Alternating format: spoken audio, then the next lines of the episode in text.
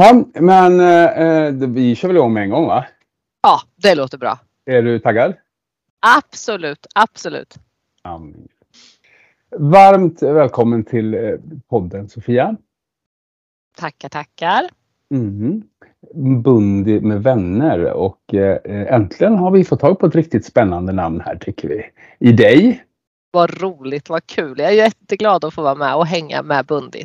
Ja men vad härligt. Det är ömsesidigt. Eh, och för att vara lite artiga mot de som lyssnar kan vi inte börja med bara en kortis. Vem är du Sofia? Ja, vem är jag? Bra fråga. Sofia Sjöström heter jag och är eh, journalist i botten. Har jobbat 16 år främst på TV4 och SVT.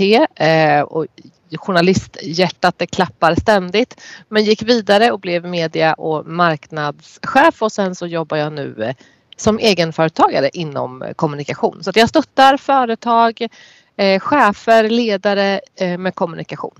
Mm. Och, och, du, har ju, du har ju varit eh, nyhetsankare, eller hur? Får man kalla det för det? Ja.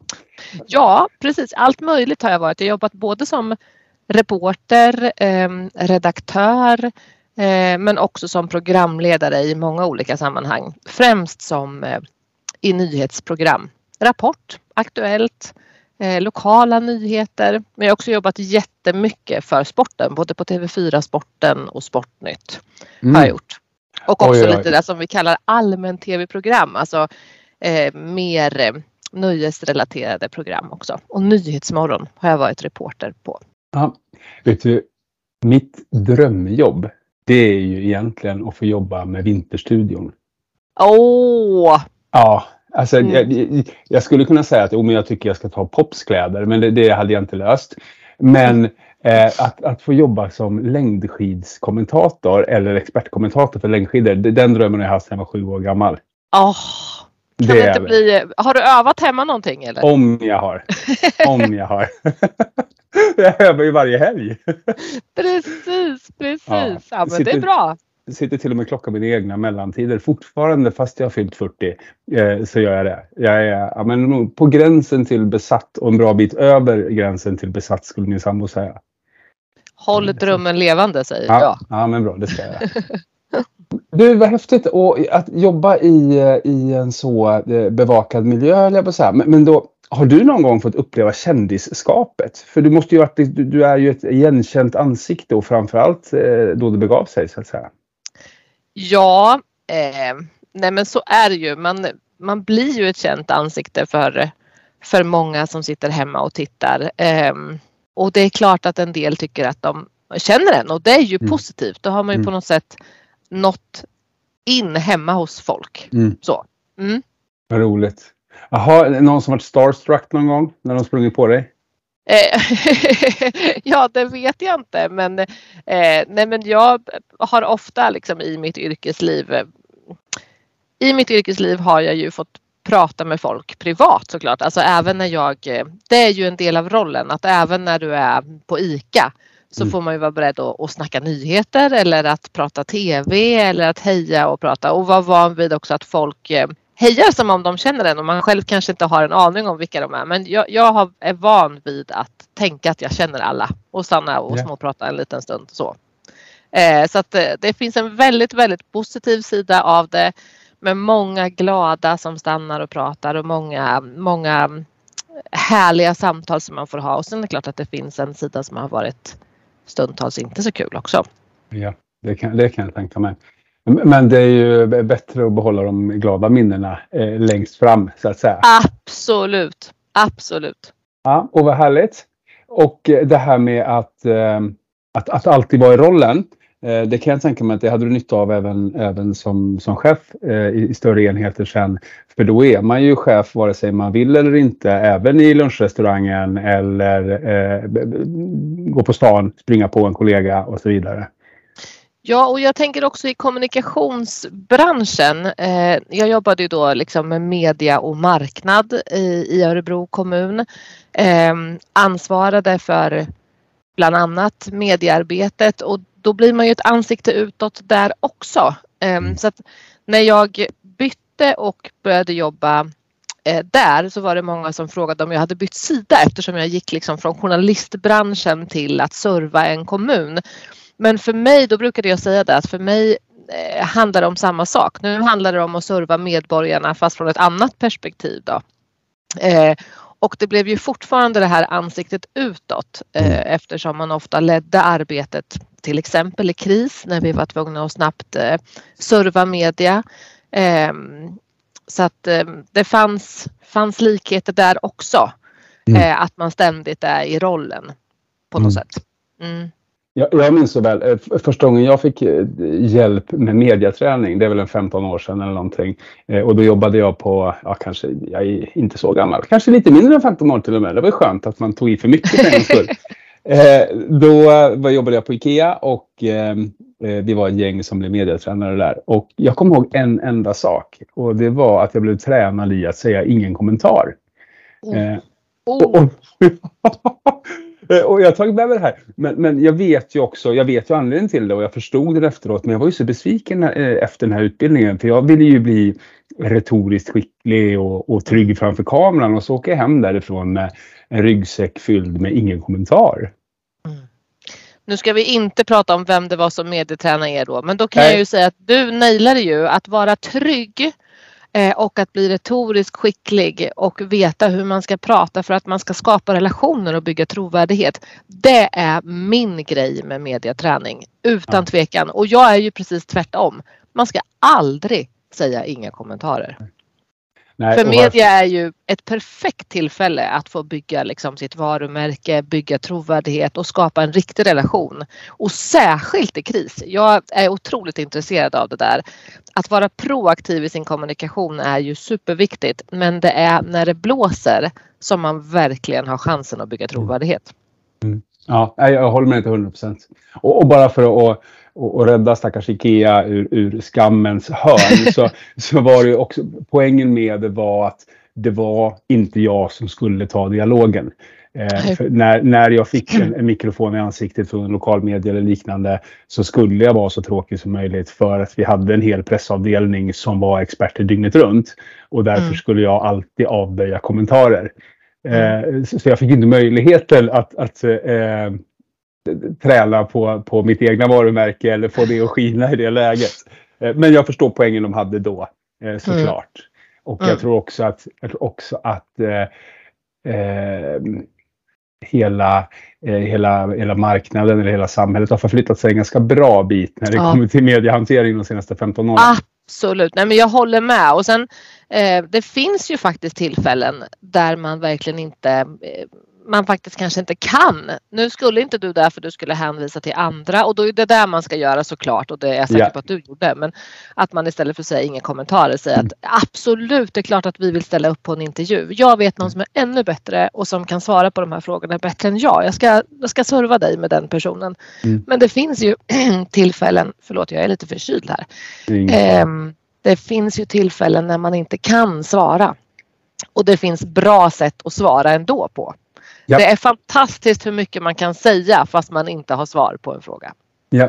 Och Apropå det där, ja, för det är en av mina, ett av mina absoluta favoritämnen. Just det här att, att våga svara eh, jag vet inte. Eller våga ja. svara jag har inget svar. Eh, likadant som vi som jobbar mycket med rekrytering säger det att det är jättemycket bättre att vi återkopplar hej vi vet ingenting än att vi ja. låter bli att återkoppla. Det är som ljuv musik i mina öron. Jag brukar säga det, jag vet inte eller jag har inget svar än eller vi ska ta reda på det. Det är också ett svar. Ja. Ja, och det är också en kommunikation och man ska absolut inte underskatta det. Och jag håller med dig, det handlar absolut inte bara om, om media. Men eh, jag vet jättemånga av dem jag har tränat brukar säga att eh, Ja, men jag sa att jag, jag kunde inte ställa upp på en intervju för jag har ingenting att säga. Jo, men media, att, att tittarna får se dig stå där och säga vi jobbar på det. Just nu har vi inget svar, men så här och så här kommer vi jobba med det framåt och vi kommer att återkomma så fort vi har mer information.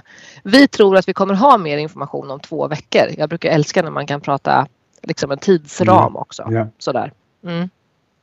Ja, det är, eh, jag måste ta upp ett jätteaktuellt ämne och inte för, att, inte för att trycka dig på var du står i frågan eller liknande, men mer som ett spännande resonemang. För att eh, jag är väldigt idrottsintresserad och, och eh, min sambo är väldigt idrottsintresserad om det handlar om hästar.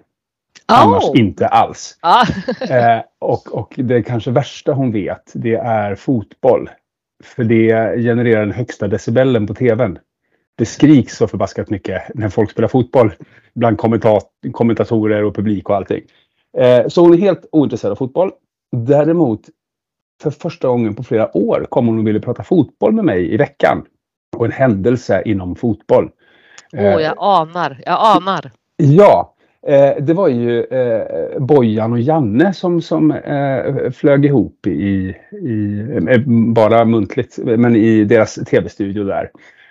Eh, du har säkert sett det va? Ja. Och, och vad, vad händer? Ja, vi behöver inte prata caset som sådant, men vad händer? Du som är expert, det får vi ändå kalla dig, expert i, i ja, eh, inte nödvändigtvis i ämnet, det kanske det också är, men i, i området. Eh, kommunikation, mediakommunikation. Vad, vad hände i dig när du såg det här och efterspelet av eh, bråket mellan förbundskaptenen och expertkommentatorn? Ja, nu ska man säga något klokt om det här. Jag brukar eh, jag har faktiskt fått frågan, eller det, här har ju pratats om den senaste, de senaste dagarna då, såklart. Eh, och eh, då var det någon som sa till mig, oh, det här är väl ett perfekt exempel för dig att ha när du mediatränar. Jag jobbar såklart med jättemycket med exempel. Mm. Eh, och då så sa jag det, jättespännande. Det jag brukar göra är att jag nästan aldrig lyfter de dåliga exemplen utan jag lyfter nästan alltid de positiva exemplen för de ger så himla mycket mer för att prata om vad är det man gör rätt och så sätter sig det. Men det är klart att det aldrig, aldrig, aldrig är bra att tappa humöret. Nej. Ja men oavsett liksom om det är ett mediesammanhang, det vet vi i en mm. förhandling eller i ett, i ett privat samtal.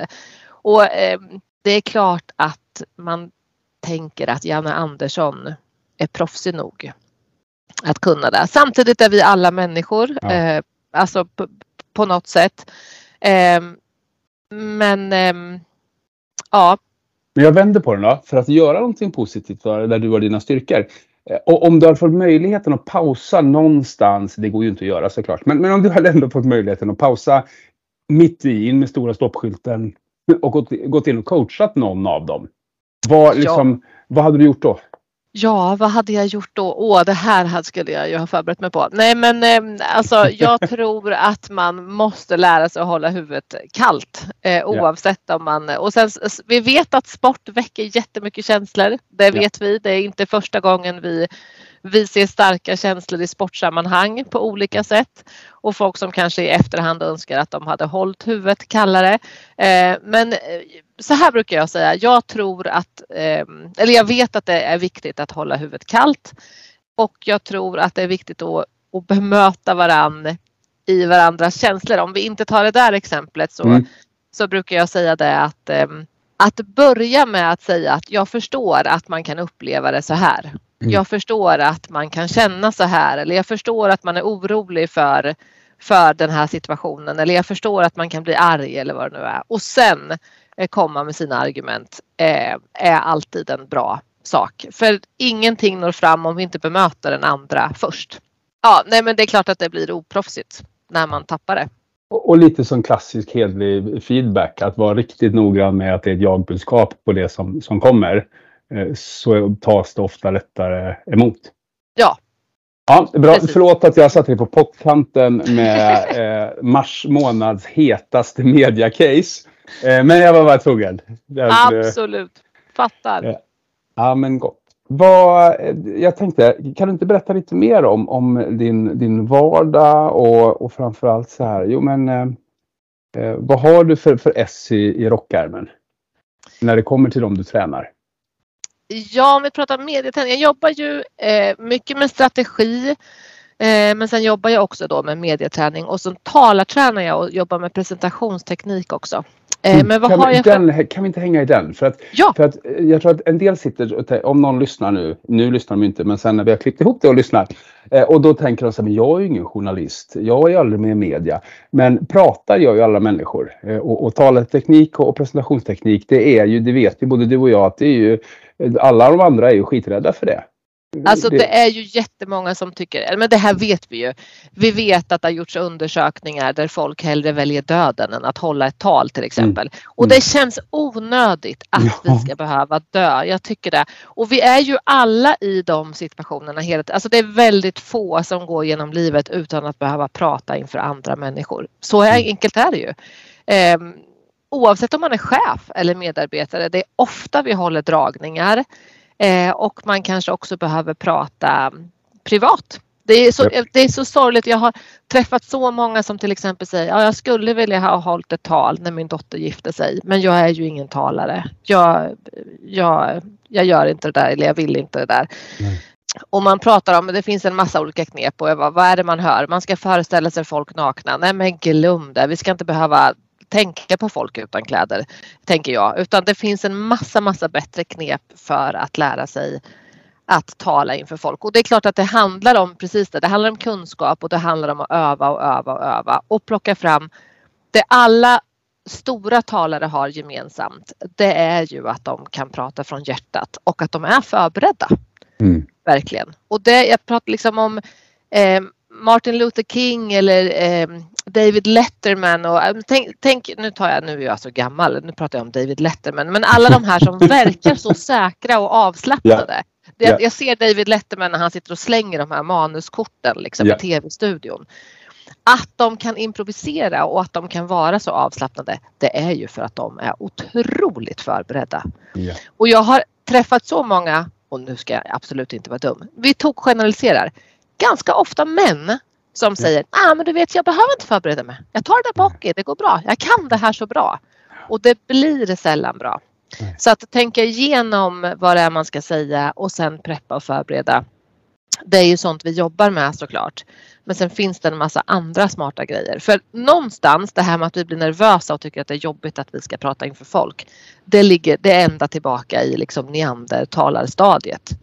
Det är våran reptilhjärna som gör att vi tycker att det är så jobbigt. Det blir en stresssituation och det finns massa grejer man kan göra för att neutralisera de där stressreaktionerna. Sådana enkla saker som att ta några djupa andetag till exempel. Våran andning är jätteviktig mm. Eh, för den talar om för oss om allting är bra eller om vi behöver vara nervösa. Mm. Eh, sänka sina axlar. Jag brukar säga det, du som är sportintresserad. Nej, men att när man sportar eller när man tränar att man ska stå brett liksom med benen och man ska sänka axlarna och ha liksom en bra hållning. Det är samma position när man, när man står och ska tala inför folk. Mm. För att då blir vi lugnare till och med. Förutom att vi också får ett bättre magstöd och sådär. Eh, så att jag tycker att eh, de där talarträningarna och presentationstekniksutbildningarna och när jag coachar individuellt då handlar det allt om från de här enkla bas tricksen som gör så mycket till att vi finlirar med de som är vana väldigt mycket i detaljer och då precis som du säger retorik ja. eh, och sådana saker på, på en annan nivå. Jag har, jag har eh, mitt enkla take på det är att jag alltid funderar på eh, var fokus ska ligga. Mm. Eh, och den hjälper mig jättemycket. Eh, om, håller jag en presentation, är fokus på min leverans eller är det på eh, åhörarnas möjlighet att lära sig någonting? Och varje gång jag lägger över det på åhörarna, för det är faktiskt de som är viktiga, för, för det är de som det är för deras skull jag är där och inte för mm. min skull. Eh, då, för jag minns, ja, men förr i världen så när man, när man var ny var man ju också obekväm eller eller ny i det eh, och inte, man hade inte alla dessa timmar träning bakom sig.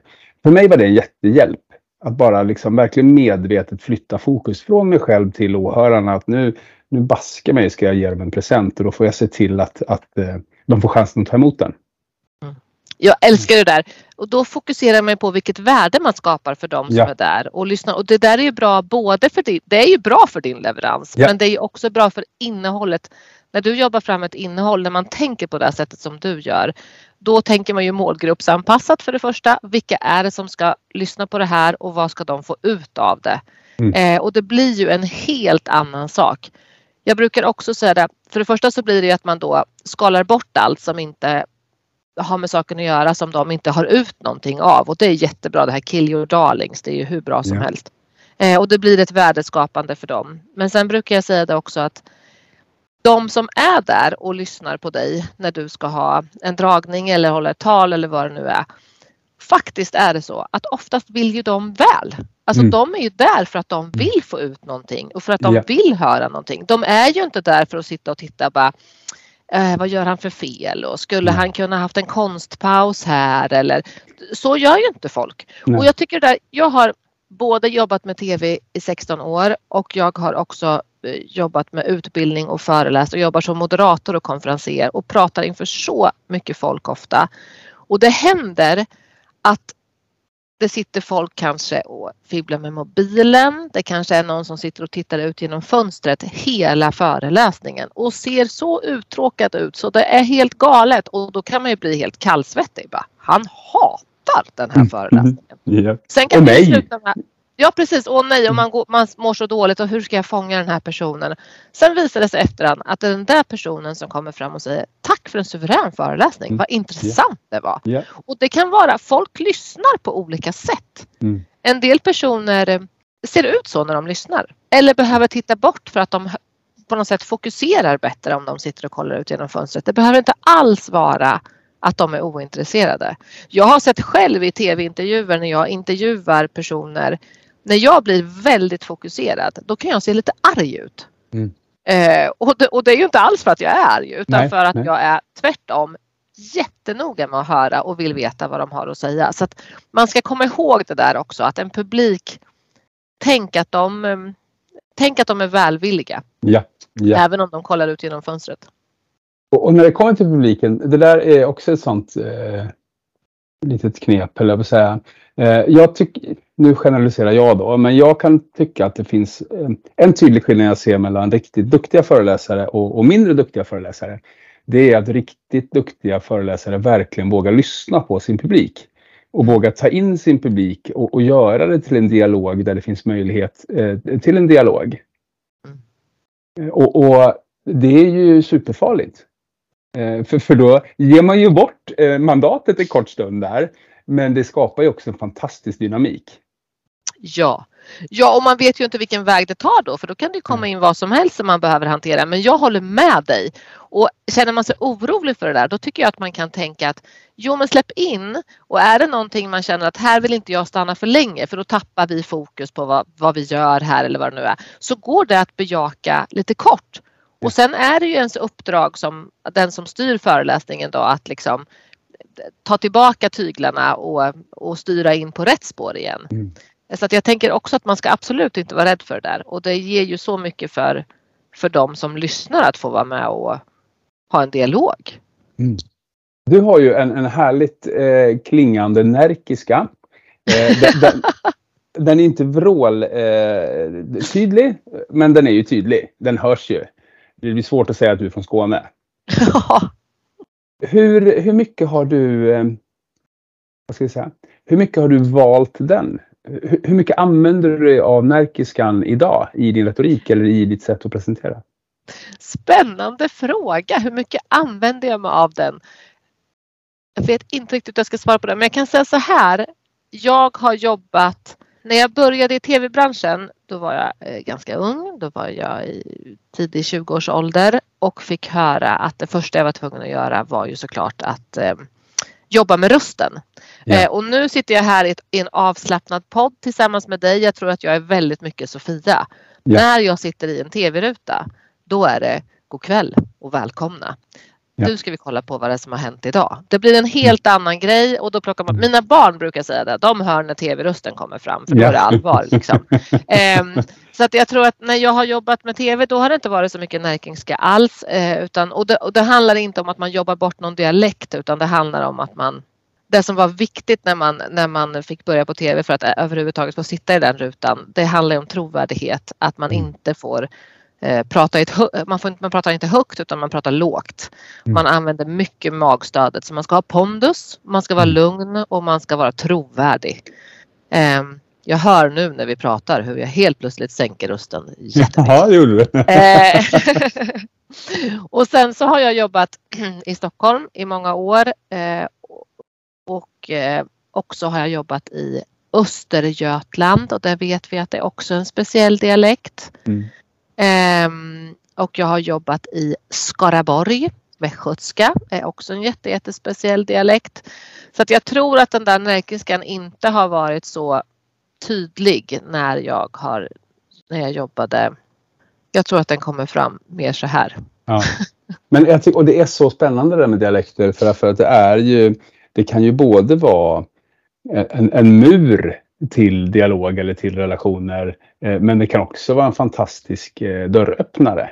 Mm. Eh, och för jag får höra det ibland när jag kanske stöttar, bollar eller coachar någon i, i liknande frågor. Att, och vad ska jag göra med min dialekt? och då säger jag, då säger jag alltid, du kan börja med att försöka vara dig själv. Ja. För att jag tror att det kommer bli allra bäst. Och, och, att inte se det som en, en begränsning. Nej. Det... Nej men det absolut, men det är inte som i förr i tiden. Då jobbade man ju på riktigt bort. Du kunde ju inte jobba i riksmedia Nej. om du inte hade jobbat bort din dialekt. Men jag menar, där är vi absolut inte. Och jag håller med. Eh, folk brukar fråga mig både om dialekten, precis som du säger, men också om kroppsspråket. Vart, vart jag, jag pratar så mycket med armarna, vart gör jag av armarna? Och då tänker jag så här, Eh, titta på Hans Rosling till exempel. Mm. Vad skulle han vara om han stod still på scenen mm. med händerna mm. i kors? För det, en del säger så, ja men håll händerna vid sidan eller lägg händerna bakom ryggen. Nej, använd ditt eget kroppsspråk utan att bli galen såklart. Mm. Men, men eh, liksom, Hans Rosling skulle vi aldrig fått ut lika mycket av om inte han hade använt Det var ju det han var så fantastisk på, sitt ja. kroppsspråk bland, bland mycket annat. Eh, och jag känner samma sak med dialekten. Jag håller med dig. Det är klart att man ska vara sig själv. Sen måste det ju höras vad man säger, alltså att man måste kunna vara tydlig. Yeah. Men då kanske det handlar om att prata lite långsammare om man har en väldigt kraftig skånska och inte alla hänger med på den. Nej. Till exempel. Men yeah, det är yeah. spännande med dialekter för det väcker känslor i oss. Och det, är, det finns ju till exempel det finns ju undersökningar som visar, det finns anledning till exempel callcenterföretag anställer gärna norrlänningar. Yeah. Alltså vi litar på norrlänningar. Mm. Och nu vågar jag knappt säga vilka dialekter vi inte gillar. Alltså, men, men, men, men det är, är ju ett faktum att dialekter väcker känslor. Men yeah. vi kan ju inte göra om oss själva. Så är det ju. Nej, Nej exakt. Det är, det, men det är, och det är väl lite det jag tror både du och jag eh, vill få fram. Att eh, eh, se dig själv som en styrka.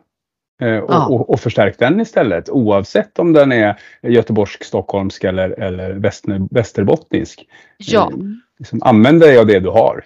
Ja, och behöver man avväpna, jag menar kommer man som liksom om man har en utpräglad Östermalmsdialekt eller vad det nu är och kommer till, man ska undervisa eller hålla ett tal på, på landet i Skåne och man kanske vet att man har lite, att man kanske väcker lite känslor med sin stockholmska, börja med att avväpna. Ja. Börja med att skoja om sig själv och dra ja. ner den där prestigegrejen ja. helt till exempel. Nej men jag tycker att det är mycket viktigare att lära sig de här sakerna som att vart hamnar jag i röstläge? Vi tycker inte om att lyssna på folk som ligger väldigt högt i röstläge för att det upplevs stressat. Det kan upplevas väldigt, väldigt nervöst och oroligt. Mm. Så att det är viktigare att jobba med de delarna, att kunna klara av, veta hur man gör för att komma ner i röstläge, prata med mycket magstöd så att vi har eh, en pondus och mm. att vi har ett lugn när vi pratar. När jag var yngre så hade jag, då var jag ett, stort fan av eh, eh Petter. Eh, Petter Alexis, eh, musikern.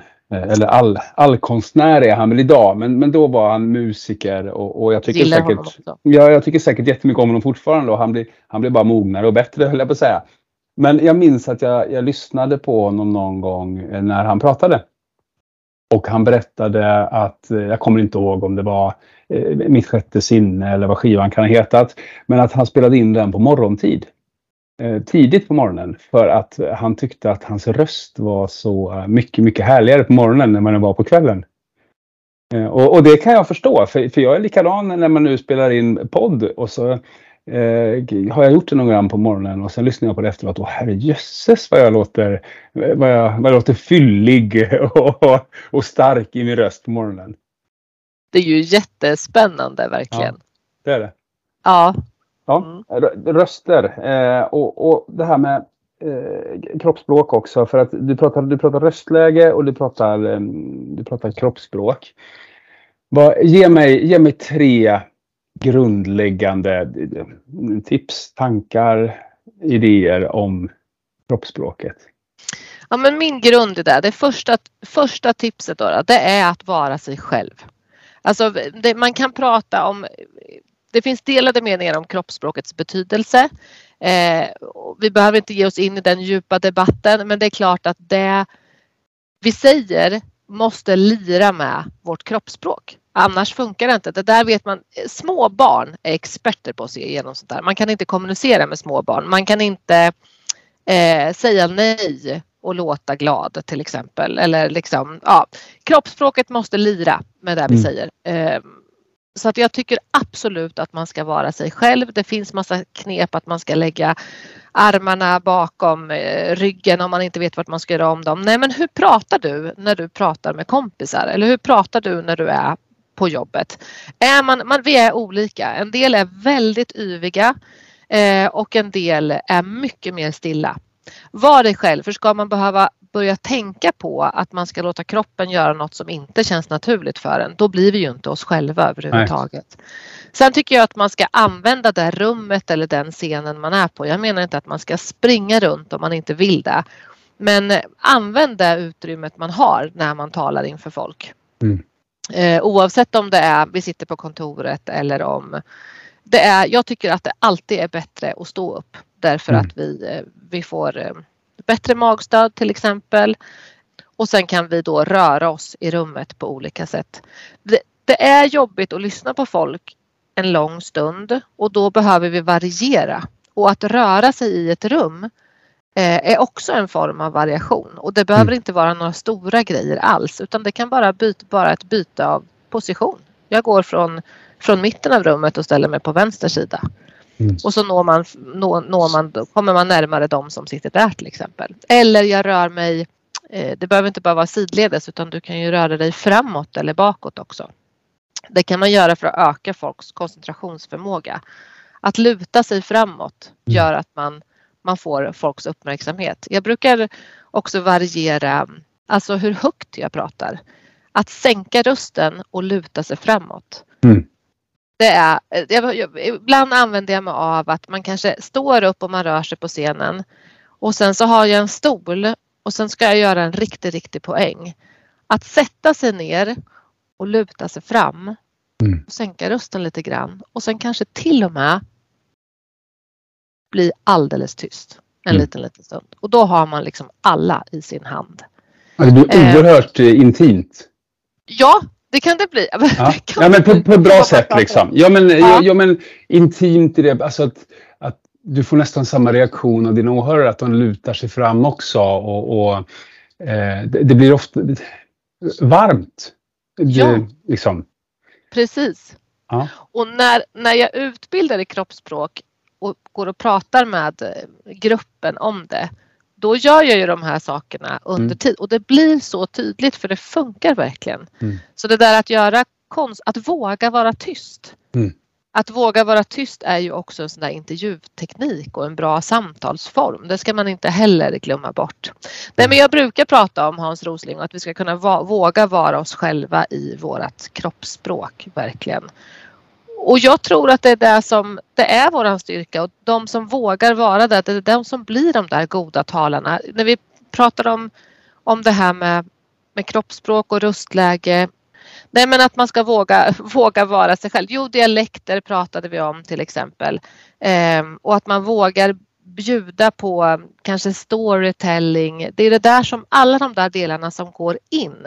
Mm. En annan grej som jag märker ofta med chefer eller företagsledare eller det behöver inte vara, det kan vara medarbetare också, är att man tror att man måste ha ett visst professionellt språk för att vara trovärdig. Mm. Eh, så helt plötsligt står man och använder alla sina facktermer. Man använder de, den svåraste lingon man bara kan komma på. För ju svårare ord jag använder desto proffsigare framstår jag. Och jag hävdar med bestämdhet att det är precis tvärtom. Yeah, yeah. Eh, alltså man måste prata begripligt. Man måste prata så att folk förstår och att folk kan ta till sig det man pratar. Och när vi är på en arbetsplats så har vi oftast vårt eget språk. Mm. Journalister har en massa termer som de utanför tv-huset inte har en aning om vad det betyder. Nej. Och det har ni liksom också, alla har det. Miljöinspektörerna yeah. har det, sophämtarna har det. Eh, och de där orden, när jag jobbar med grupper, då brukar jag göra en gloslista där vi översätter de vanligaste orden. Ja. Vad betyder det här egentligen och hur, vilka ord kan ni använda när ni ska prata med folk för att det inte ska skapa en distans och för att de mm. ska förstå. Jag tränade en, en, eh, en grupp arbetsmiljöinspektörer en gång Eh, eller miljö, eh, miljöinspektörer och de var helt fantastiska. De hade så mycket engagemang.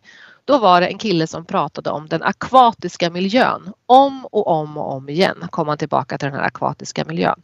Och till sist så frågade han, men vänta nu, vi bara stannar upp lite grann. Den här akvatiska miljön, är det Hjälmaren du pratar om? Alltså Hjälmaren, det är en mm. sjö i, i Örebro. Ja, en av Sveriges största sjöar. Ja men precis, precis. Ja men vet du vad? Säg det då.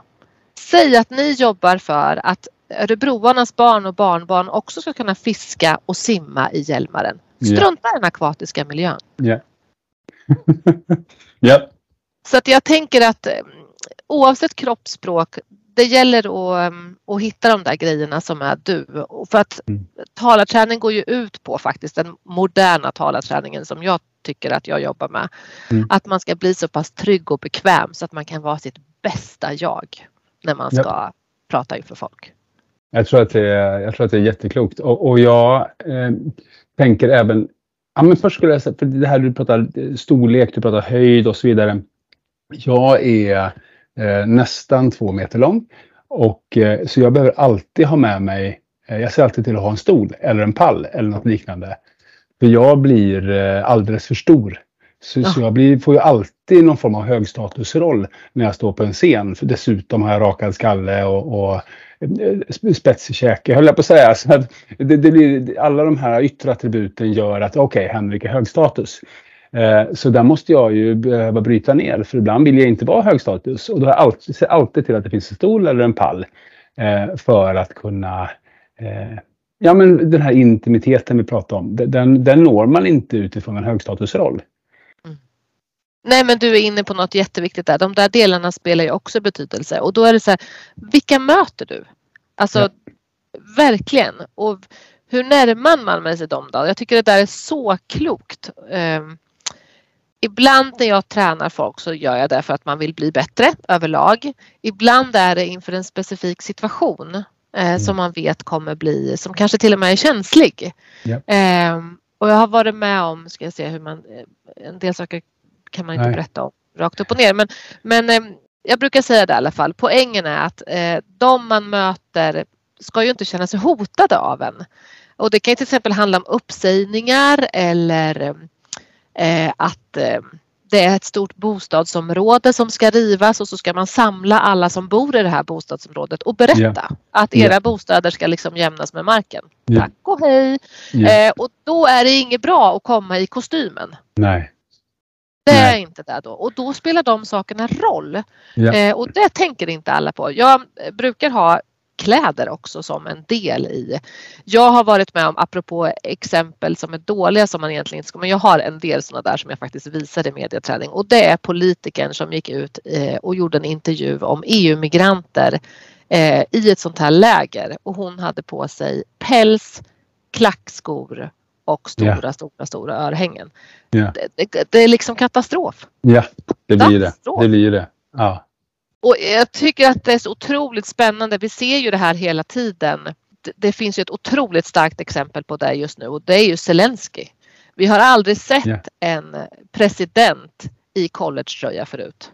Och det har varit så starkt att han har liksom t-shirts. Man, man tror att det där är liksom en detalj men det är klart att det inte är det. Nej, det är klart att det finns nej.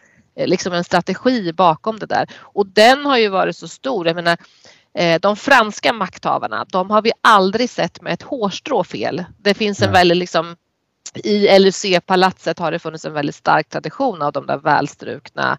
Eh, men där har vi sett hur man har tagit efter Zelenskyj. Vi har sett bilder liksom Ja. på collegetröjorna där också nu. Ja. Så att det är jättespännande. Camilla Harris är också en sån där eh, spännande person som har blivit känd för sina sneakers. Ja. Vi har ju inte sett några amerikanska liksom, högpolitiker i annat än klackar eh, och blankputsade skor förut. Och det finns ju också en tanke mellan, med det. Det är klart att det finns nu, behöver, ju- nu har kanske inte vi en stab som jobbar med våra kläder eh, som, som hon har. Men det är klart att de där sneakersarna de signalerar ju I'm one step ahead. Ja. Ja. Och det är samma ja. sak med Obamas upprullade skjortärmar. De såg vi hela tiden under liksom, kampanjen och det betyder ju att det är en man som får saker och ting gjorda. Han är redo att kavla upp och jobba. Liksom. Det här tror jag verkligen att, att om man ska om man vill gå från, från bra till, till jättebra eh, som, som talare eller som föreläsare. Det här tror jag verkligen är de enklaste sakerna att jobba med. Att, Mm. att, eh, vad har du på dig? Hur ser du ut? Var, var rör du dig i, i rummet? När är du högstatus? När är du lågstatus? När har du högt tempo? När har du lågt tempo? För det är ju saker som alla verkligen kan jobba med oavsett utgångspunkt. Mm, Eh, och, absolut.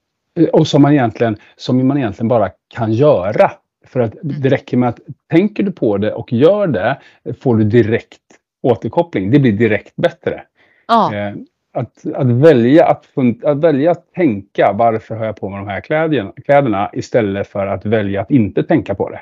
mm. Eh. Så blir, det, så blir det effekt av det.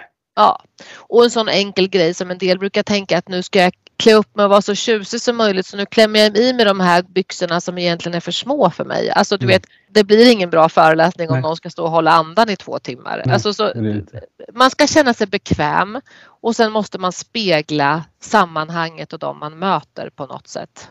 Så. Ja.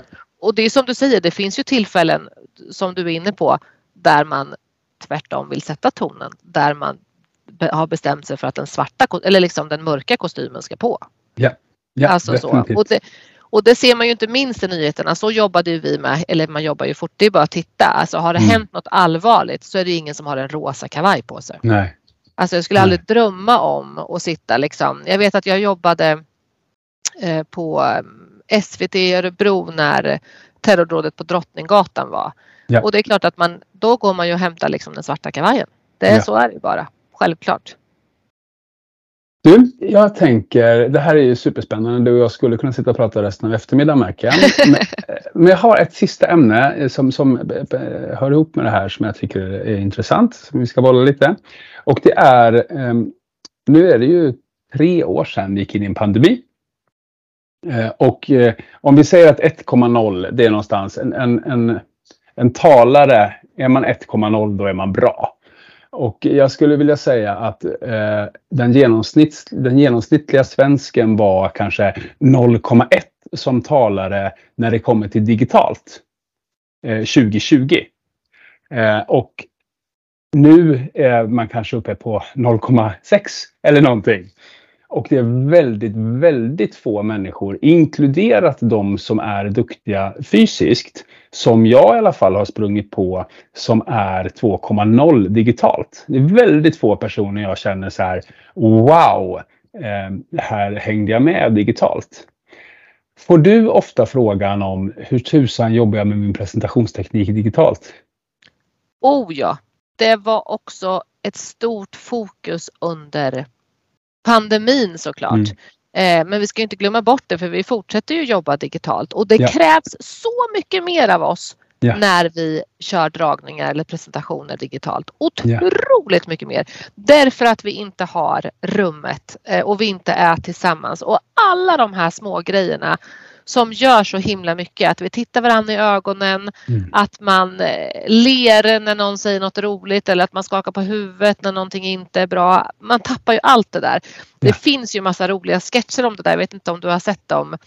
Eh, om ett Teamsmöte vore fysiskt, alltså de är ju hur Ja. roliga som helst. Där de Ja. liksom nailar, de har ju använt i utbildningen, de nailar alla de där grejerna som man tappar. Ja. när man är digitalt. Och hur jobbigt det än är så tycker jag att det är superviktigt att veta liksom vart är kameran. Ja. Nu när vi pratar, det är så lätt att min blick dras till mig själv. Jag sitter och ser mig själv hela tiden. Hur jobbigt är inte det? Man blir knäpp i huvudet. Man kan ju Ja. bara titta på sig själv. Eh, och då egentligen att stänga av bilden på sig själv. Eh, Till exempel för att man och jag vill ju titta på dig när jag pratar men då blir min blick fel.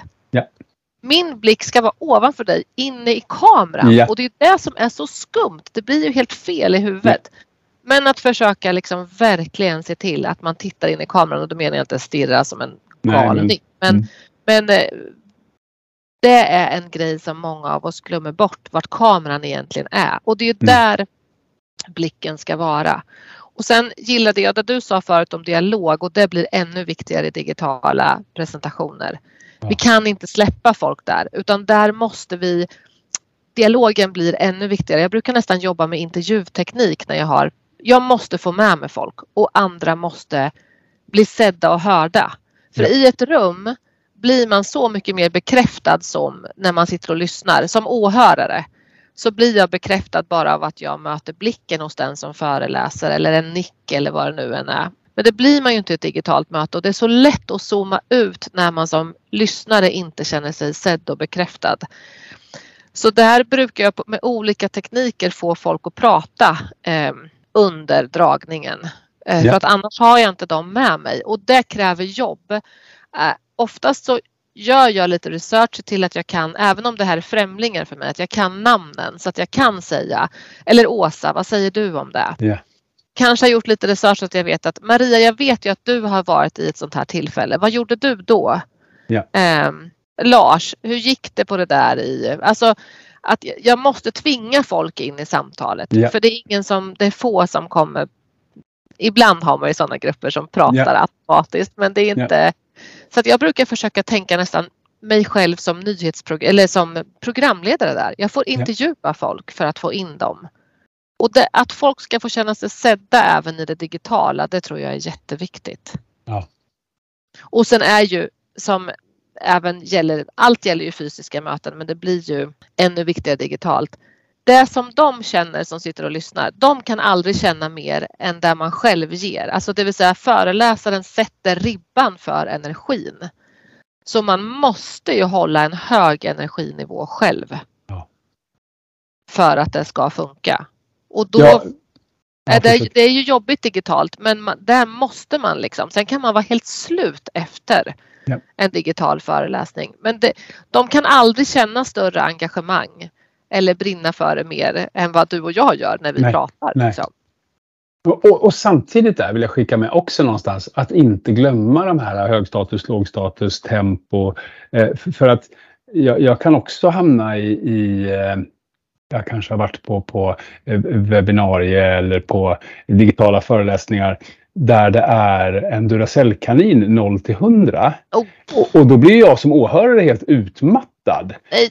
Ja, Eftersom jag själv sitter ensam också och här är det inte party party utan här är det lugnt Nej. och försiktigt. Och så, det blir som att kolla på en actionfilm mitt på ljusa dagen. Mm. Eh, Det blir fel. Liksom. Och det orkar, nej, och det- vad bra att du säger det för det är verkligen inte det jag menar med energinivå. Jag, jag håller helt och hållet med dig. Med energinivå så menar jag mer det här som du var inne på förut också. Vilket värde är det jag vill skicka med? Ja. För att eh, jag menar inte att man ska gå på 200 kilometer i timmen. Det kan bli helt fel. Det beror ju på vad du pratar om. Ibland Ja. så måste du sänka tempot. Ja. Eh, ibland är det allvarliga saker. Det, det, alltså för att den där variationen blir ännu viktigare digitalt. Ja, det är det. Eh, för att annars orkar man inte hålla fokus uppe och det kan variation i ditt tempo, eh, i ditt röstläge, ljudnivå men också då att vi hör andras röster. Eh, bara byte av röst gör att Ja. vi liksom kommer tillbaka. Eh, sen har jag otroligt svårt för dåliga keynotes, alltså dåliga powerpoints eller bildstöd. Ja. Ja. Liksom kom ihåg att bildstöden inte ska vara massa text och det som du redan pratar om utan bildstöd är precis det. Bilder som förstärker Ja. det du vill ha sagt. Ta gärna med något roligt. Liksom. Ja. Visa något klipp. Eller visa en bild eller liksom visa en sekvens från Janne Andersson-intervjun. Ja. Alltså, men ja. liksom. ja, men jag håller med. Jag, jag brukar, eh, jag har tjatat på, på eh, jag har äran att jobba på IOM ibland, eh, IOM Business School, eh, som lärare där och då tjatar jag på de studerande om att eh, låt PowerPoint vara PowerPoint. Det är kraftpunkter och det ska inte vara någonting annat. Det är precis det det är. Eh, och, och annars så ska man strunta i det. Ja, För, för då kan du skicka ut pdfen. Det är exakt Lä- så. Och det är, det är du som är presentationen. Sen ska det där, om du har en PowerPoint, låt den stötta dig Ja. med bra bilder. Liksom. Eller något roligt klipp eller vad Ja. det nu är. Men åh, det finns så många mardröms powerpoints. Det tar vi en annan gång. Supertack Sofia. Det finns en stor risk här att jag kommer be om en del två framöver för att jag känner att vi är långt ifrån klara. Eh, men, men jag ska försöka klippa ihop det här och det får inte bli ett maratonavsnitt bara för att du och jag har så kul. Eh, men jättehäftigt. Jättetack för att eh, du var med. Otro